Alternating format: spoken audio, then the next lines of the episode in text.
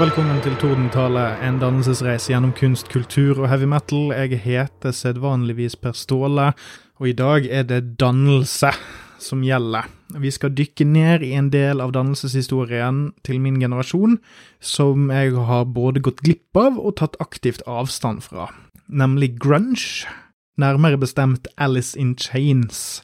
Så nå er det jo den klassiske diskusjonen jeg alltid tar på starten av disse dannelsesepisodene, er jo basert på innvendinger jeg får inn i øret fra fiktive personer ute i eteren, som hyler og skriker og sier ja, men Per Ståle, Per Ståle, skulle ikke dette her være at du utviklet deg som menneske og lærte deg høykultur og bla, bla, bla, men, men, men ta, ta og hold kjeften din nå, så skal, jeg, skal onkel PS fortelle hvor uh, vitrineskapet skal stå.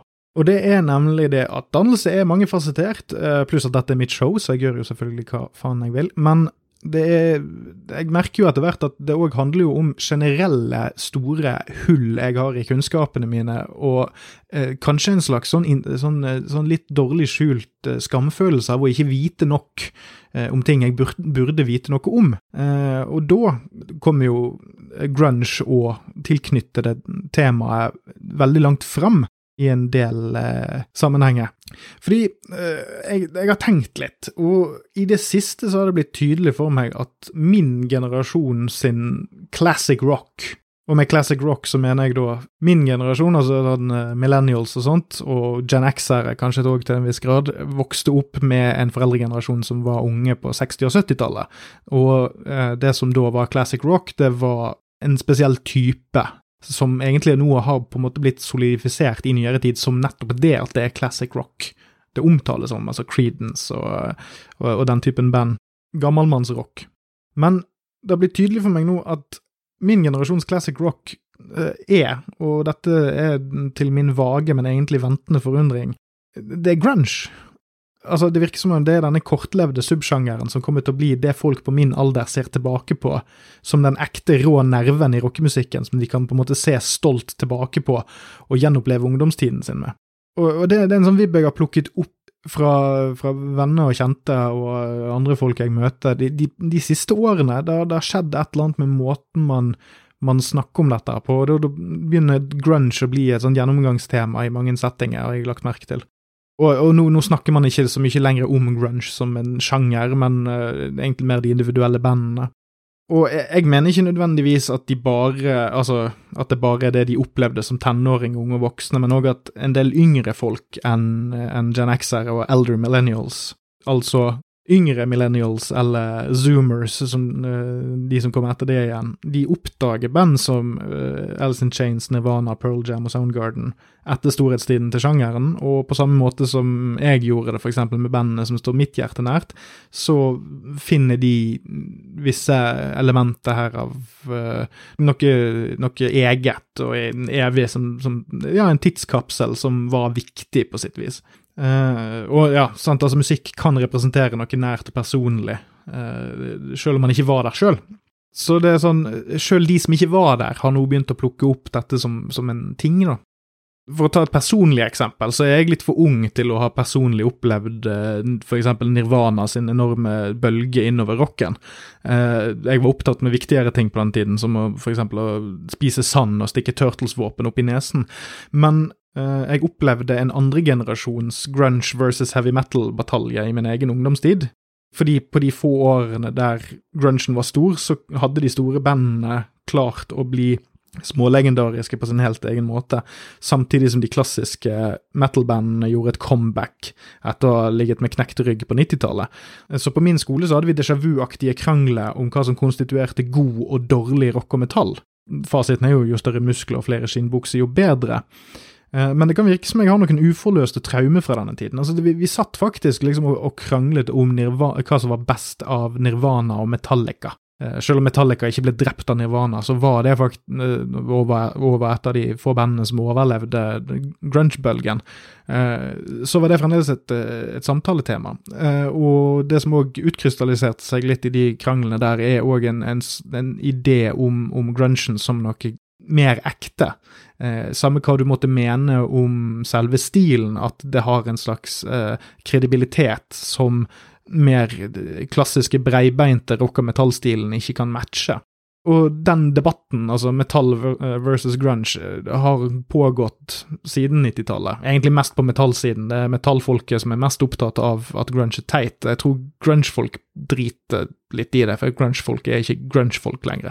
Det er, ikke, det er ikke en hel subsjanger med folk som går rundt i, i rutete skjorte og, og henger med hodet og tar heroin, liksom. Altså, det er ikke det, det dannet seg ikke en like sterk subkultur der. Så i dag så skal jeg sette tidsmaskinen på 1990 og koke meg sjøl i Seattle-sounden til jeg klarer å se lyset igjen av lokomotivet. Kan en gammel og sta metalhead finne noe bra i grunchen? Eller finne noe interessant, i det minste.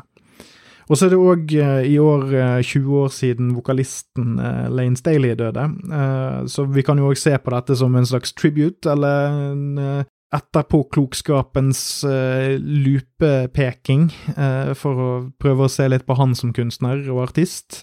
Det tror jeg ble et gjennomgangstema, basert på hva jeg har tenkt på i forkant. Og Så får jeg òg legge til det at uh, dette er òg et av favorittbandene til min venn Lasse, så dette er en slags uh, dobbel uh, tribute i dag.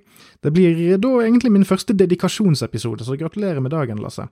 som dere sikkert har plukket opp, så har jo jeg da bøttevis med fordommer mot grunge, både som sjanger og konsept, og noe av det kan jo skyldes de tidligere nevnte issuesene med, med grungen som en heavy metal-dreper, men òg det at jeg har hørt minimalt med grunge i min tid som en konsekvens av det.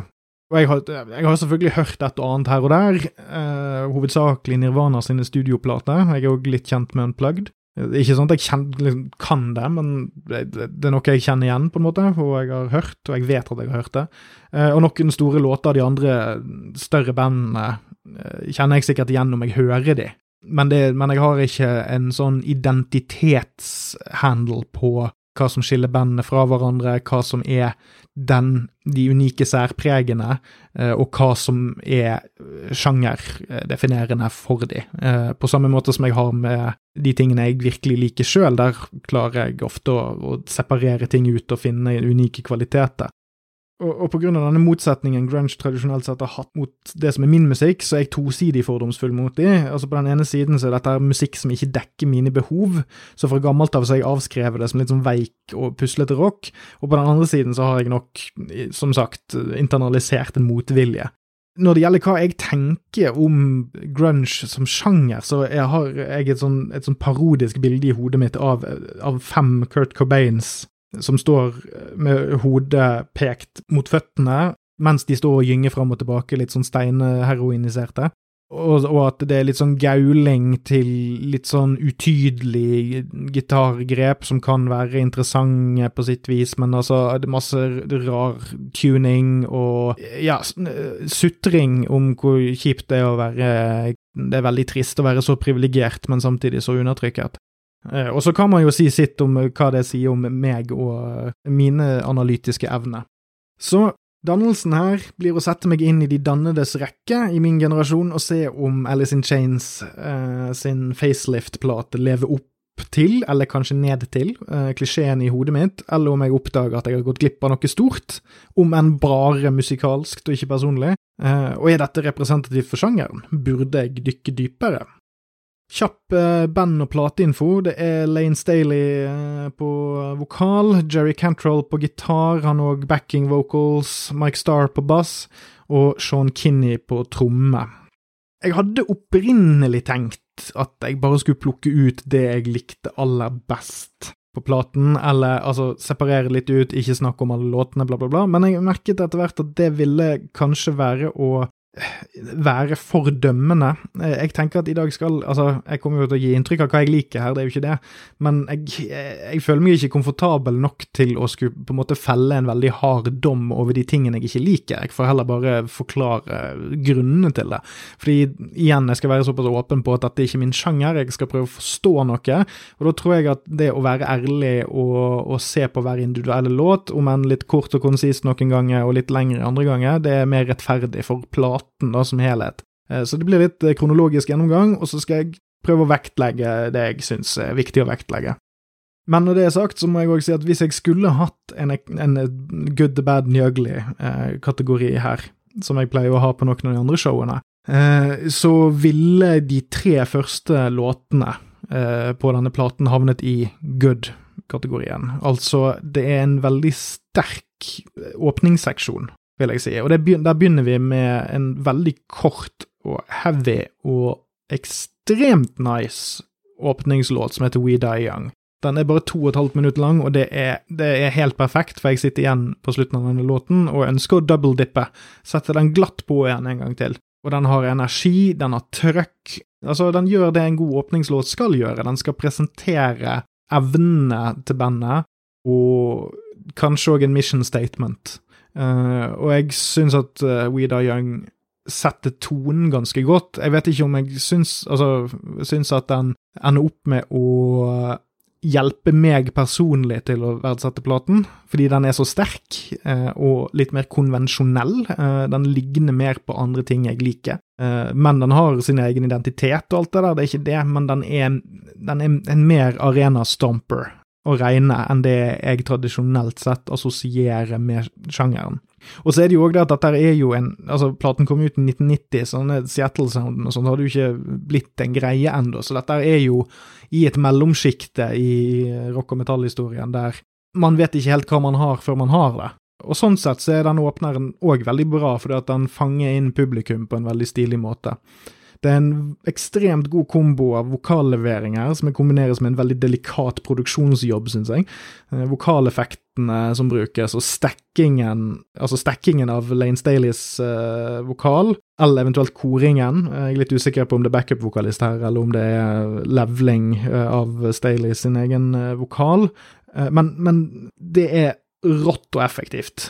Uh, det er ekstremt mye kult uh, vokalarbeid her. Veldig bra langstra langstrakt trøkk i vokalen, og det er noe jeg uh, virkelig elsker. Og de gjør òg en veldig god jobb med å da plassere Lane Staley bom i midten av lydbildet på en ekstremt kul måte. Altså, han har umiddelbart en, en identitet i bandet og som sanger, isolert, for meg som lytter. Veldig god posisjonering. Det, det, det, er saftig og deilig å høre på. Eh, og, og riffet er faktisk ganske Mutley Crew-aktig. Altså om du tar de, de, de litt hardere av de seinere arenarock-låtene som Mutley Crew lagde, gjerne med Bob, uh, Bob Rock på, uh, på, produksjon. Og jeg kan ikke skryte nok av vokalprestasjonen her, det er ekstremt bra. Uh, og det er et ganske gjennomsnittlig rockeriff som løftes av grooven mellom bassen, vokalen og koringen her. Det er den beste låten på albumet. Uh, det kan være en forbannelse, som jeg var litt inne på. Uh, jeg er litt sånn at jeg får lyst på mer av det jeg liker. Så på noen vis så tror jeg at denne var med og, og ga meg en liten nesestyver tidlig i prosessen da jeg prøvde å sette meg inn i dette bandet. Det er for så vidt en avhengighets-slash-heroinlåt. Uh, We Die Young, åpenbar referanse. Tekstlinje à la Take Another Hit. Um, men det er på en måte en litt uh, det, det, er nesten litt sånn depressiv feiring av å vite at man uh, kommer til å dø ung. Og det gjorde jo Lane Staley òg, han ble vel bare noen og 30 år gammel. Det er for, for, øvrig noe av det jeg har båret med meg inn. Han døde av en overdose, eh, og det visste jeg før jeg startet opp. Og at eh, Alice in Chains ble jo lagt på is eh, siste halvdel av 90-tallet pga. at eh, avhengigheten til Staley ikke tillot for mer aktivitet, virket det som. Må for øvrig legge til at jeg setter veldig pris på den veldig Duke Nukem-aktige uh-introen her eh, på vokalen. Det, det setter òg en tone som en 90's kid kan verdsette. Så er det låt nummer to, Man in the Box. Og her får vi et stilskifte fra den tøffe åpneren, og, plasser, og dette plasserer oss mer i retning av resten av platen, men det er en overgangslåt. Så den beholder litt, litt rockestilen, men den er mer kreativt anlagt, vil jeg si. Det brukes vokaleffekter, altså sånn vo ja, vocoder, eller ja, sånn, sånn vokalboksfordreier, og det er en seigere rytme, men det er fremdeles en vokalledet låt. Det er en type låt som ikke nødvendigvis er min kopp surøl i utgangspunktet, men det er kvalitet. Og så minner det meg om en Black Label Society-låt fra 2000-tallet som jeg ikke husker navnet på i farten, eh, da på grunn av disse vokaleffektene, altså denne eh, vokalfordreier-plug-in-effekten. Det er en slags uh, frelsesønske som ligger i teksten. Sånn, Jeg-personen søker frelse gjennom å henvende seg til en man in the box. Uh, om det er en person i en kiste eller på en TV, jeg er litt usikker på. Kanskje det er noe sånn uh, sitte hjemme i en mørk stue med, med, noe, med noe, godt i sølvskeien og, og, og, se på teleevangelister. Men den bygger på noen måte tematisk videre på åpningssporet, føles det som det virker som om at det er litt avhengighets- og utenforskapstematikk som går igjen i flere av tekstene, eh, selv om jeg ikke kommer til å gå så jævlig dypt ned i, i tekstbiten av materialet. Og igjen, det er en ekstremt kul vokallevering fra Staley. Han, han, er i rampelyset hele platen, uh, og jeg, jeg, kan si allerede nå at uh, denne platen hadde ikke vært en tiendedel så interessant å høre på hvis det ikke var for han. Så det er låt nummer tre, Sea of Sorrow. Uh, der har vi en pianointro, tror jeg. Uh, litt, litt, vanskelig å få grep på, men uh, bare, bare, litt sånn vag, sånn, sånn såre små pianotrykk for å få frem en litt sånn enda mer somber tone. Men det, det interessante er nå at på de tre første låtene, som jeg vil si er de sterkeste på albumet for min del, så Eller, eller kanskje ikke. Kommer, jeg har en tendens til å motsi meg litt når jeg sier sånne ting, så la oss ha det med i mente. men det er, en, en formkurve som er interessant, for at han starter på en måte ekstremt gjenkjennelig med første låten, og så tar det oss gjennom de to neste låtene nedover, altså ned der det virker som om at Alice in Chains har lyst til å bo. Uh, i, i, en litt mer uh, kaotisk og, og kreativ uh, verden enn bare å lage sånn stumper allsangslåter. Og Av en eller annen grunn så får jeg en Creedence-fil her, kombinert med mer av de heroinvibbene jeg trodde jeg skulle få av hele albumet. Eh, og når jeg sier heroinvibbe, så, så, er det det spesifikt inn på de, disse fordommene jeg har. Eh, jeg har jo nevnt uh, rusmiddelet i de to første låtene, men det jeg egentlig mener er Én ting er hva du refererer til i tekstmaterialet, en annen ting er hva som det er tydelig at musikken er inspirert av. Hvis du hører på band som Down, for eksempel, som er et stoner-band av uh, Phil Anselmo, så er det en type Altså, stoner-rock eller stoner-metall generelt, for eksempel, har en veldig tydelig sound som eh, bygges rundt at det er skrevet mens man er påvirket av hasj, og det er meningen at man skal høre på det mens man er påvirket av hasj. Og, og derfor så, så, endrer det lydbildet betydelig. Og det betyr jo ikke at noen som liker den typen, alle som liker den typen musikk er stonere, eller i det hele tatt har prøvd et sånt rusmiddel, men eh, det påvirker hele sounden, og det er det jeg mener med heroinvibbe, altså, og, og, eller, og generelt sånn rusbrukervibbe. Eh, og, og Sea of Sorrow tar oss litt mer inn i den retningen, altså der det er Her er det mer et slags hverdagsliv, eller noe man Her er vi nærmere en eller annen slags attitude til livet, som jeg har inntrykk av at uh, bandet har. Og nå vet ikke jeg noe om rusbruken til bandet generelt, jeg bare vet at det er et element i livet til en av de uh, involverte, og så får eh, de av dere som har mer peiling på dette enn meg, bare arrestere meg på det. Men jeg syns i hvert fall uansett at det er mer interessant. Nå er vi mer inne i et, et, sær, et særlig uttrykk for bandet som er i hvert fall mer ærlig kanskje enn åpningssporet, på mange måter. Eller ikke ærlig, men altså det er, kanskje nærere det de har lyst til å utforske. Som, som de neste låtene kommer til å bære preg av. Og, og, med dette, denne heroinvibben igjen, da, eh, eller denne fordommen min altså det, det gjelder da spesifikt Staley sin eh, prestasjon, eh, men òg den laidbacke stilen på låten generelt. Og, men det tar seg opp i tilsparket, altså til refrengene og sånt. Og det er frekke rockepianoinnslag underveis som holder meg våken, og den tar seg som sagt veldig opp i refrenget og løfter låten offisielt opp på interessantskalaen min, og det er en veldig smakfull gitarsolo inni her, blant annet. Så det er sånn, den er litt sånn dvelende og vakende, men den har den fanger etter hvert eh, oppmerksomheten på en veldig stilig måte. Og så fortsetter vi egentlig med en ganske kul formkurve her, eh, så langt. Jeg trodde ikke det helt når jeg begynte å høre på platen, men etter et par spinn så begynte det å sitte litt bedre. Uh, låt nummer fire det er Bleed the Freak. Det er bare en generelt kul midtempo-rocker. Den er spesielt kul på refrenget, som er en gjennomgangsmelodi uh, her. Eh, tematiske retning av utenforskap, og igjen litt sånn Jesus-frelser-tematikk, men her i en litt sånn isolert form, i kombinasjon med liksom trass og uvilje. En slags ukristen kristendom.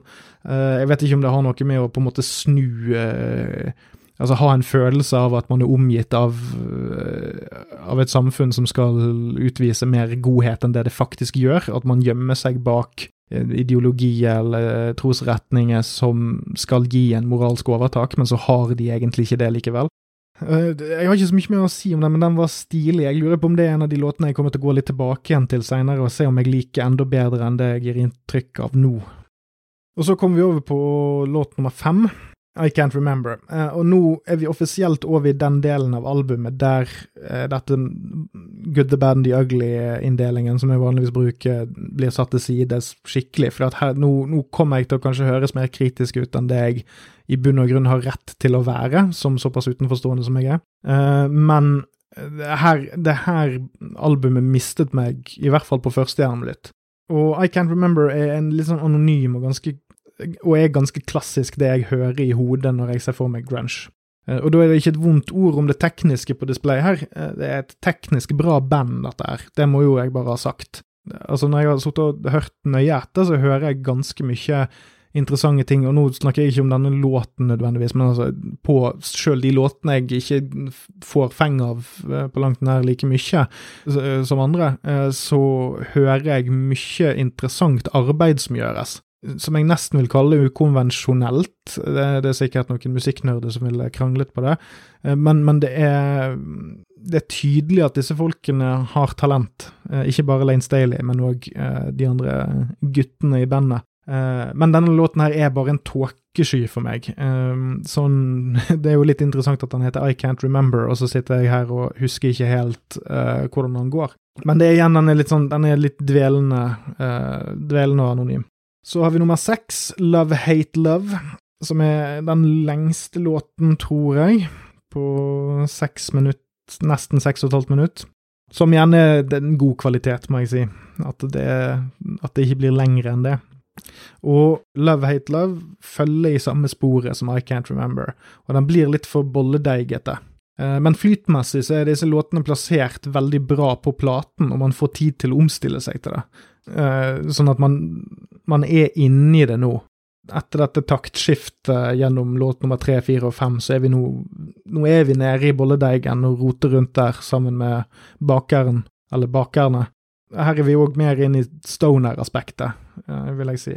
Og så er det en misog, sånn misogynisk uh, jeg-person, en slags sånn dvelende ondskap med kvinnehat og sånn som er tematikk i, i låten som, som, er stilig, og jeg, jeg, tror kanskje at med alt at nå, tatt, tatt i mente dette med bolledeigethet og sånn, så er dette noe som en låt som jeg kanskje burde gå tilbake igjen til å høre på isolert sett, uh, uten på en måte denne metningen som det å høre gjennom et album eh, medfører. Fordi det, jeg har en mistanke om at denne kanskje kan heve seg et par hakk når man bare får liksom vært der litt lenger. Så det er låt nummer sju, It Ain't Like That. Uh, her kan man høre et og annet som uh, Metallica har plukket opp på senere på 90-tallet, med load reload-platene. Nå har jeg snakket mye om Metallica det siste året, så jeg tenker at det blir en liten stund til, men jeg tror uh, Load Reload blir en Eller de er i hvert fall ganske heite kandidater til noen forhatte plateepisoder i fremtiden, men nå trenger jeg at den skal få lov til å ligge. Men sånn angående det med jeg hører om sound her, så vil jeg si at så kan jo det ha noe med å gjøre at jeg har hørt Load og Reload mye mer enn generelle grunge-plater. Eh, men jeg vil ikke si at den sounden Metallica kjører i 96-97 er direkte kopiering av dette her, men det seige lydlandskapet og, og denne produksjonsstilen eh, er åpenbart noe som bretter om seg. Og så tror jeg Metallica svarte på det på sin måte. Og, og det, det, er veldig tydelig her. Altså, den Her hører jeg de nøkkelpunktene for, for hvordan den, denne sounden blir innflytelsesrik. Så er jo det litt sånn postfaktor-rasjonalisering, sikkert, men uh, interessant nok. Jeg skrev opprinnelig i notatene mine at dette her er en sånn type låt som man kan ramle litt av dersom man er hyper i musikksmaken, sånn som meg. Det skrev jeg ned på papir. Men etter å ha gått fra de to foregående sevjetempolåtene, så er dette et hardt skifte i retning av noe mer behagelig, eh, sånn sett. Så nå, nå går vi litt opp igjen fra bolledeigen og nærmer oss eh, en, en litt sånn ny stil. Og så teksten går litt på selvforakt, eh, får jeg inntrykk av. Som òg det, det, det, er masse, masse forakt eller sånn vanskeligheter med å balansere det man klarer å observere av sin egen atferd versus uh, hva man ender opp med å gjøre uh, med den kunnskapen. Det, det, er ting som jeg plukker opp litt med antennene mine på sånn tekstmessig på denne platen. Og jeg skulle gjerne ha gått enda dypere ned i det, men da hadde vi sittet her til klokken halv fjotte i morgen. Da er vi på låt nummer åtte, 'Sunshine'. Uh, og den har jo jommen meg en uh, litt sånn country western-greie uh, gående og startmessig, og her svinger det i introen. og det er Nå er vi offisielt inne i oppkvikker-seksjonen igjen. Spesielt med tanke på de foregående låtene og denne oppadstigende kurven vi har igjen. Det virker nesten som de har begynt å bli litt edru men ikke helt. Det, det faller tilbake igjen på stoner-vokalstilen, eh, mens eh, dette country-riffet gynger bak.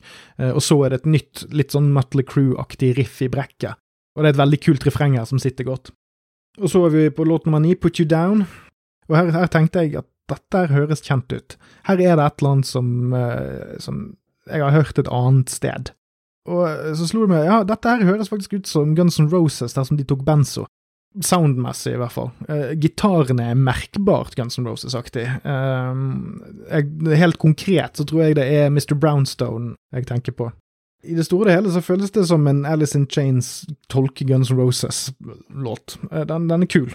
Uh, altså, det er ikke blåkopi, men det er her er det noen forbindelse i rockemusikken som jeg ikke har tenkt på før, som begynner å gjøre seg synlig, og det syns jeg er litt stilig. Det, men han er fremdeles dvelende vokalmessig. Altså Lane Staley starter dette albumet med å være en, en arenasanger, eh, og han har de kvalitetene gjennom hele platen, men han prøver aldri å imponere på den måten. Uh, og det er ganske stilig. Det er ikke så mye um, posering her.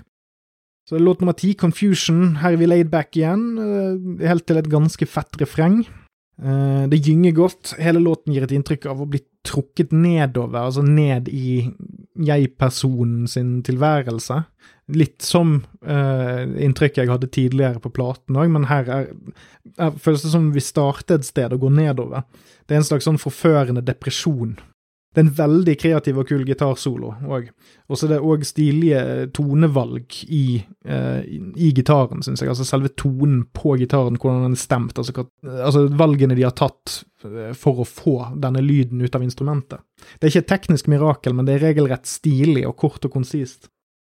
Så er låt nummer elleve, I Know Something About You, eller I Know Something About You.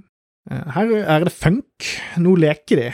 Um, Guns N' Roses-tendensene returnerer etter introen, eh, som er en litt sånn funk-gitar Uh, virker avhengighetsrelatert her òg, uh, tematisk. Det er en rar kombo av småfunk og mer straight up og tidsriktig uh, rock and roll. Det er ikke en høydere, men den blir bedre når man konsentrerer seg eh, noenlunde. Eh, og refrenget styrker seg for hver repetisjon, eh, som er en tendens som òg går igjen her. Det er ikke bare blåkopiering for hvert refreng, det, det, refrengene blir bedre, regelrett, og det er en god tendens i et band, syns jeg. Det å ikke bare lene seg på at det første måten man gjør første refrenget på, er bra nok, men at man, man putter inn subtile variasjoner etter hvert.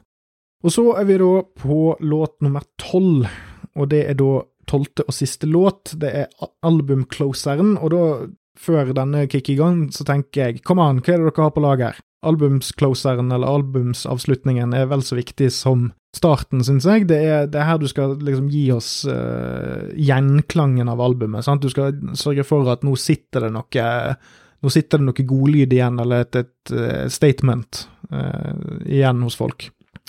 Det er en skitten twang-gitar som starter showet, eh, og det er stilig. Eh, og denne låten er stilig. Igjen åpenbar rusavhengighetstematikk. Eh, den veksler mellom laidback sosing på versene, og så bygger det seg til litt mer harde takter i refrengene. Det er veldig sterk vokal her, og det er ekstremt kult i bridgen spesielt. Og, låten bygger et merkelig reisverk, og bandet løfter låten mer og mer og mer.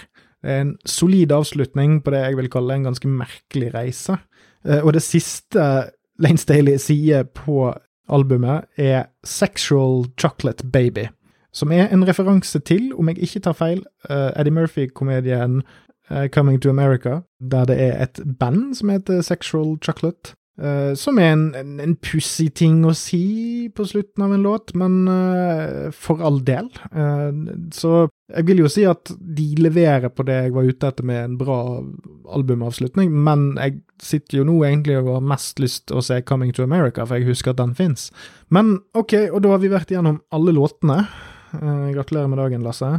Totalt 54 minutter og to sekunder, som er litt i overkant, syns jeg, men uh, her Det føltes ikke Altså, de 54 minuttene er ikke like kaotiske og langdryge som uh, Manic Street Preachers-platen uh, jeg gikk gjennom tidlig i denne serien, og som fremdeles hjemsøker meg. Så alt i alt så vil jeg si at dette er et velkonsentrert album. Jeg kom ikke på umiddelbart at en låt som burde blitt fjernet, eller to.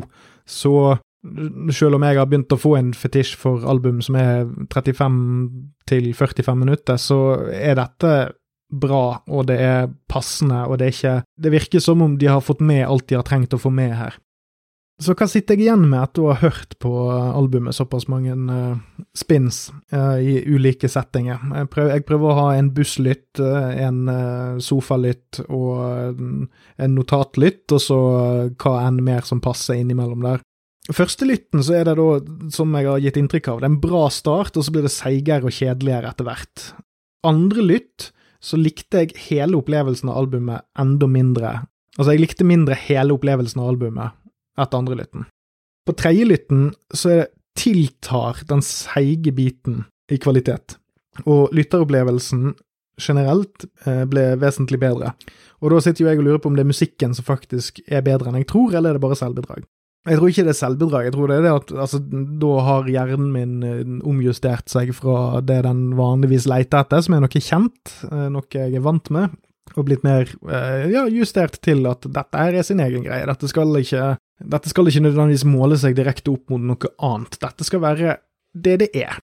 Og da mener jeg det det faktisk er, ikke den gjengen fra Namsos. Og så sånn, For å komme inn i liksom eh, vurderingen her, da, så må jeg jo starte med eh, fyren som har stått i sentrum eh, gjennom hele episoden så langt, og hele albumet, og det er Lane Staley. Eh, han er et mirakel av en vokalist, eh, og Ørene mine leter jo som sagt etter det som er kjent, og han er en rar kombo av John Bush fra Armored Saint og Anthrax, eh, og Axel Rose. Og det er ikke dermed sagt at han er en kopi av noen av de to, men han har kvaliteter som gjør at han er et powerhouse i samme klasse som disse to, på sitt beste. Og han tilhører samme type noe mer sjelfull heavy rock-vokal. Og det er jo noen som vil kanskje si at Axel Rose ikke passer helt inn der, men jeg, det, er, det noe med, med trøkket og registeret som minner. Uh, hvis vi tar vekk liksom high pitch-skrikingen til Axel Rose, så har han en ganske interessant midrange. Og så vil jeg òg si at John Bush i Armored Saint, uh, og Armored Saint generelt, de, de tror jeg òg er litt nærmere Alice in Chains enn det jeg har trodd tidligere. Uh, jeg kommer sikkert til å trekke fram uh, Armored Saint senere, i en senere episode, fordi jeg syns de er et ganske interessant band i så måte. At de befinner seg litt i en del av heavy metal-sjangeren som ble forbausende lite verdsatt mens det pågikk, eh, vil jeg si. Da tenker jeg spesielt på Symbol of Salvation-albumet, som kom ut eh, noen år etter denne. Og sånn generelt så tror jeg at det som separerer Staley fra Bush og Rose, er at det er noe som går igjen med utenforskap, både generelt på platen, men òg noe jeg har inntrykk av gjennom den, den, denne sårheten som han klarer å vise sjøl når han dundrer på på det mest kraftige. Uh, og jeg sitter og tenker at jeg, jeg skulle ønsket meg flere liksom, harde bangers med denne vokalen, men så innser jeg samtidig at mye av det særpreget han har, det kommer fra valgene han og bandet uh, har tatt for vokalstilen. Uh, og hadde han sunget mer konvensjonell heavy, så hadde han kanskje ikke vært like unik og like bra. Alle artister har jo sin egen unike kvalitet som på en måte gjør de til de, men uh, det virker som om Lane Staley kjører sitt eget løp, uh, og ikke prøver å være noen andre enn seg sjøl. Og det fremstår som ganske tydelig sjøl når du ikke kjenner bandet. Som jeg sier, Produksjonen er vesentlig bedre enn det jeg forventet, uh, og den generelle sounden gir inntrykk av at dette er en overgangsperiode. Altså, selve platen er ekstremt godt produsert uh, for det som var den tids produksjonsstandard. Uh, og her hører man hvordan Alice in Chains sklei inn i rockeverden på en måte, eller havnet i rampelyset. Altså, platen er subtilt bygd på et grunnlag som hadde blitt lagt eh, noen år i forveien av de, de litt større rockebandene. Eh, men det er et hint av småprogressiv kreativitet både i musikken og i produksjonen. Eh, den, men den er ikke pompøs, eh, og det er, det er, en sånn ærlig, personlig sårhet til stede her, eh, som mainstream-rocken hadde kvittet seg helt med gjennom 80-tallet. Så det at det er en respons på noe, eller eh, Om ikke det er en respons, så mm, kan det virke som at det er en aveny som var mulig å gå ned fordi at alle andre avenyer var stengt. Altså, folk hadde allerede tråkket opp de stiene eh, for idiotballerock. Eh, og da var alternativet igjen, hvis man skulle liksom følge eh, sjelen sin, holdt på å si, var å gjøre noe mer rått og frynsete som jeg sier, at jeg liker at det er korte og konsise låter. Uh, selv om man kjeder seg litt som lytter, så går det fort over, og neste låt vil som oftest mikse opp ting og gjøre det lettere igjen, om ikke bokstavelig talt, så i hvert fall for uh, lytteropplevelsen. Uh, smakfullt er faktisk et ord som har dukket opp i hodet mitt flere ganger. Altså både angående instrumentprestasjonene og produksjonen, og jeg får noen ganger følelse av at det er mer blues til stede i denne sounden enn det man først får inntrykk av. Uh, altså Selvfølgelig så er ting som er uptempo er mer favoritter for min del, men det er, det er ting av kvalitet her, uavhengig av uh, hva jeg måtte synes personlig. Helhetsinntrykket mitt er at uh, det er en plate som blir bedre av at du kjenner universet det befinner seg i. Altså at hvis du er utenforstående og har litt sånn fordommer mot det, sånn som meg, så, tro, så er det det eksponeringsterapi hjelper det hjelper å bare, bare, gå gjennom det noen ganger, så begynner, å, så begynner bolledeigen å feste seg fint i ørene. Og jeg sitter òg igjen med et inntrykk av at de sirkulærbygger musikken. Altså det er et eller annet litt sånn her tilbake tilbake til utgangspunktet eh, som de gjør her, som er jeg ikke helt klarer å få grep på, men det, det er et eller annet med repetisjon eller måten man bygger på det man har bygd allerede, eh, som er veldig stilig. Eh, så om det skulle være en hook for meg å sette meg mer inn i Alice in Chains, så ville det vært å prøve å finne ut om det er bare noe jeg innbiller meg, eller om det er en tendens i musikken. Det jeg kan si, eh, sånn nå når det går mot slutten, er at Facelift har overbevist meg om at jeg burde lytte mer til enkelte plater fra grunge-perioden. Nirvana er åpenbart ikke for meg, for det har jeg gitt noen sjanser og syns det er litt uh, oppskrytt, uh, om jeg får være helt ærlig. Men dette her åpner noen dører jeg ikke trodde var mulig uh, for meg å åpne i, i, denne sjangeren. og så aner jeg jo ikke noe nå om hvordan veien går videre, og det kan godt hende at dette er så bra det blir for min del. men interessant.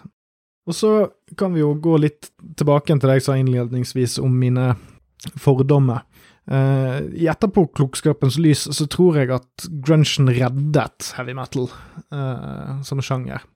Uh, og det visste jeg jo egentlig før jeg satte meg ned med denne episoden, men jeg tror det ble tydeligere for meg på hvilken måte det var viktig at grunchen kom. Takket være grunchen så dauet de verste tendensene i metal. Uh, som imagedyrking og idioti og overforbruk og, og bare grunn platthet. Og, og, på slutten av dagen så var det bare de sterkeste som sto igjen. Grunchen var på den måten en slags nødvendig pest. Og uh, på samme tid så altså, jeg, Nå skal ikke jeg overvurdere dette heller. altså Det var et mettet marked på den tiden der, og alle var klar for noe nytt. Uh, og jeg tror òg grunge har et ufortjent godt rykte på seg som sjanger uh, for å være dypere. Uh, jeg tror ikke nødvendigvis at summen av det at det er så mye dypere, men det var en ja, en ny aveny, da. Altså det å At det var et, et det var en, en ny Det ble bygd et nytt boligfelt folk kunne flytte inn i, tematisk og soundmessig. Eh, og det er alltid mye viktigere i på en måte platebransjens øyne. Det er mer om vi kan åpne et nytt marked. Og som med alle sjangre som blir store, så blir det fort overtatt av kommersiell interesse. Og, på den måten så er grunge og metall ganske like, fordi at ingen av de passer egentlig som en mainstream bærebjelke. De er best når de står i opposisjon til noe. Så i, i, den forstand så var det bare bra at mange av mine favorittband ble tvunget til å spille på klubb B igjen og ha et ganske hardt 90-tall før de kom seg på beina igjen. Og jeg kan òg si litt generelt at denne platen føles som om at det er den naturlige overgangen fra Guns N' Roses-rocken. Eh, eh, og det var jeg litt inne på tidligere. Og med det så mener jeg at dette er jo før Use Your Illusion-platene kom ut, sant? som var de egentlige oppfølgeralbumene til Appetite for Destruction, som kom ut i 1987. Og det Guns N' Roses gjorde, og det, den rollen Guns N' Roses har med det debutalbumet, er at de var en mer ekte og skitten rock i en tid der glam og hair metal hadde klikket totalt bananas. Uh, de, de, altså det var fremdeles partyrock, på en måte, men det var, det var mer jordnær tematikk. Uh, det var uh, noe som på en måte var et slags tidsbilde av hvordan det var å være sulten musiker i de litt slitnere delene av Los Angeles. Og, og, på den måten så ser Alice in Chains ut til å videreutvikle den sounden til noe enda mer ekte og uglamorøst. Og med ekte så mener jeg da Ja, altså mer realitetsorientert mer eh, faktisk et uttrykk man kan stå for. Eh, Guns N' Roses var, var, jo til sjuende og sist eh, en gjeng med rølperockere uh, som skrev catchy låter, og på den måten endte opp med å kanskje glorifisere indirekte noe av tematikken de sang om. Mens Alice in Chains de, de flånte ikke their stuff på samme måte. Uh, og sånn sett så er liksom uh, Det var en av låtene jeg kalte på en måte veldig Mr. Brownstone-aktig. Uh, og Alice in Chains sin versjon, om det kan kalles det, virker som noe noen har opplevd, mens Mr. Brownstone er litt, litt mer sånn her Tjo og hei, er ikke det rart at jeg må gå og kjøpe heroin hele tiden? og så er det en gøy låt, til syvende og sist. Så jeg har hatt det mindre gøy når jeg har hørt på Facelift, men den har ja, den, den uh, har fått meg til å tenke litt, da. Så når alt det der er sagt, så ser jeg uh, musikalske kvaliteter her som gir bandet enorm cred i mine øyne, på tvers av alle former for sjangerpatriotisme. Uh, det er ikke sånn at alle band bør være dvelende og kontemplerende, men denne ærligheten her er noe som mange band på denne tiden hadde hatt godt av å ta til seg, uh, istedenfor uh, det de faktisk endte opp med å gjøre, som var det å kopiere sounden. Sant? Igjen dette med platebransjen. Man, eh, man, ser en suksesshistorie, og så prøver man å kopiere det, men så skjønner man ikke hvorfor det funket i utgangspunktet. Det kan jo gjelde artistene sjøl òg, de som står bak den nye sounden. De fikk med seg overflatekunnskapen, men de fikk ikke med seg den sentrale lærdommen i skiftet mot grunge, eh, og det er ikke vær fake. Eller om du skal fake, gjør det med overbevisning og stil, eh, fordi at folk har en evne til å gjennomskue deg dersom du ikke faktisk mener det du gjør. Så har jeg gått glipp av noe? Burde jeg dykke dypere ned i grunchen? Dere bestemmer. Jeg er litt usikker på om jeg bør liksom, gjøre det til et lengre prosjekt og arbeide med å forstå grunge bedre. Um, jeg vet ikke om jeg har gått glipp av noe ennå, for jeg har, som dere hører, jeg har jo fremdeles et visst inntrykk av denne sjangeren og hva det sa og gjorde, og sånt som er ganske satt i stein. Uh, men jeg ser jo her at det er jo definitivt beviset for at dette tok over av en grunn. Og uh, man gjør seg selv en bjørnetjeneste ved å avskrive det totalt utelukkende basert på en slags sånn antagonistisk innstilling til endring, fordi at det er jo døden for enhver form for enhver kunstform, er jo stillstand. Man må ha framdrift. Uh, så det er bare bra med litt hard konkurranse. Og dette her var ganske god konkurranse. Så Tusen takk for at dere eh, ikke sovnet mens jeg bolledeiget meg gjennom dette her. Eh, og eh, så snakkes vi igjen til neste uke. Da er det forhatte platetid igjen. Og, temaet er da den mest forhatte platen til et av heavy metal-sjangerens mest Ja, et av de bandene som var med og grunnla heavy metal-sjangeren, får vi vel si. Så tusen takk for i dag, og nå skal dere få lov til å legge dere. God natt.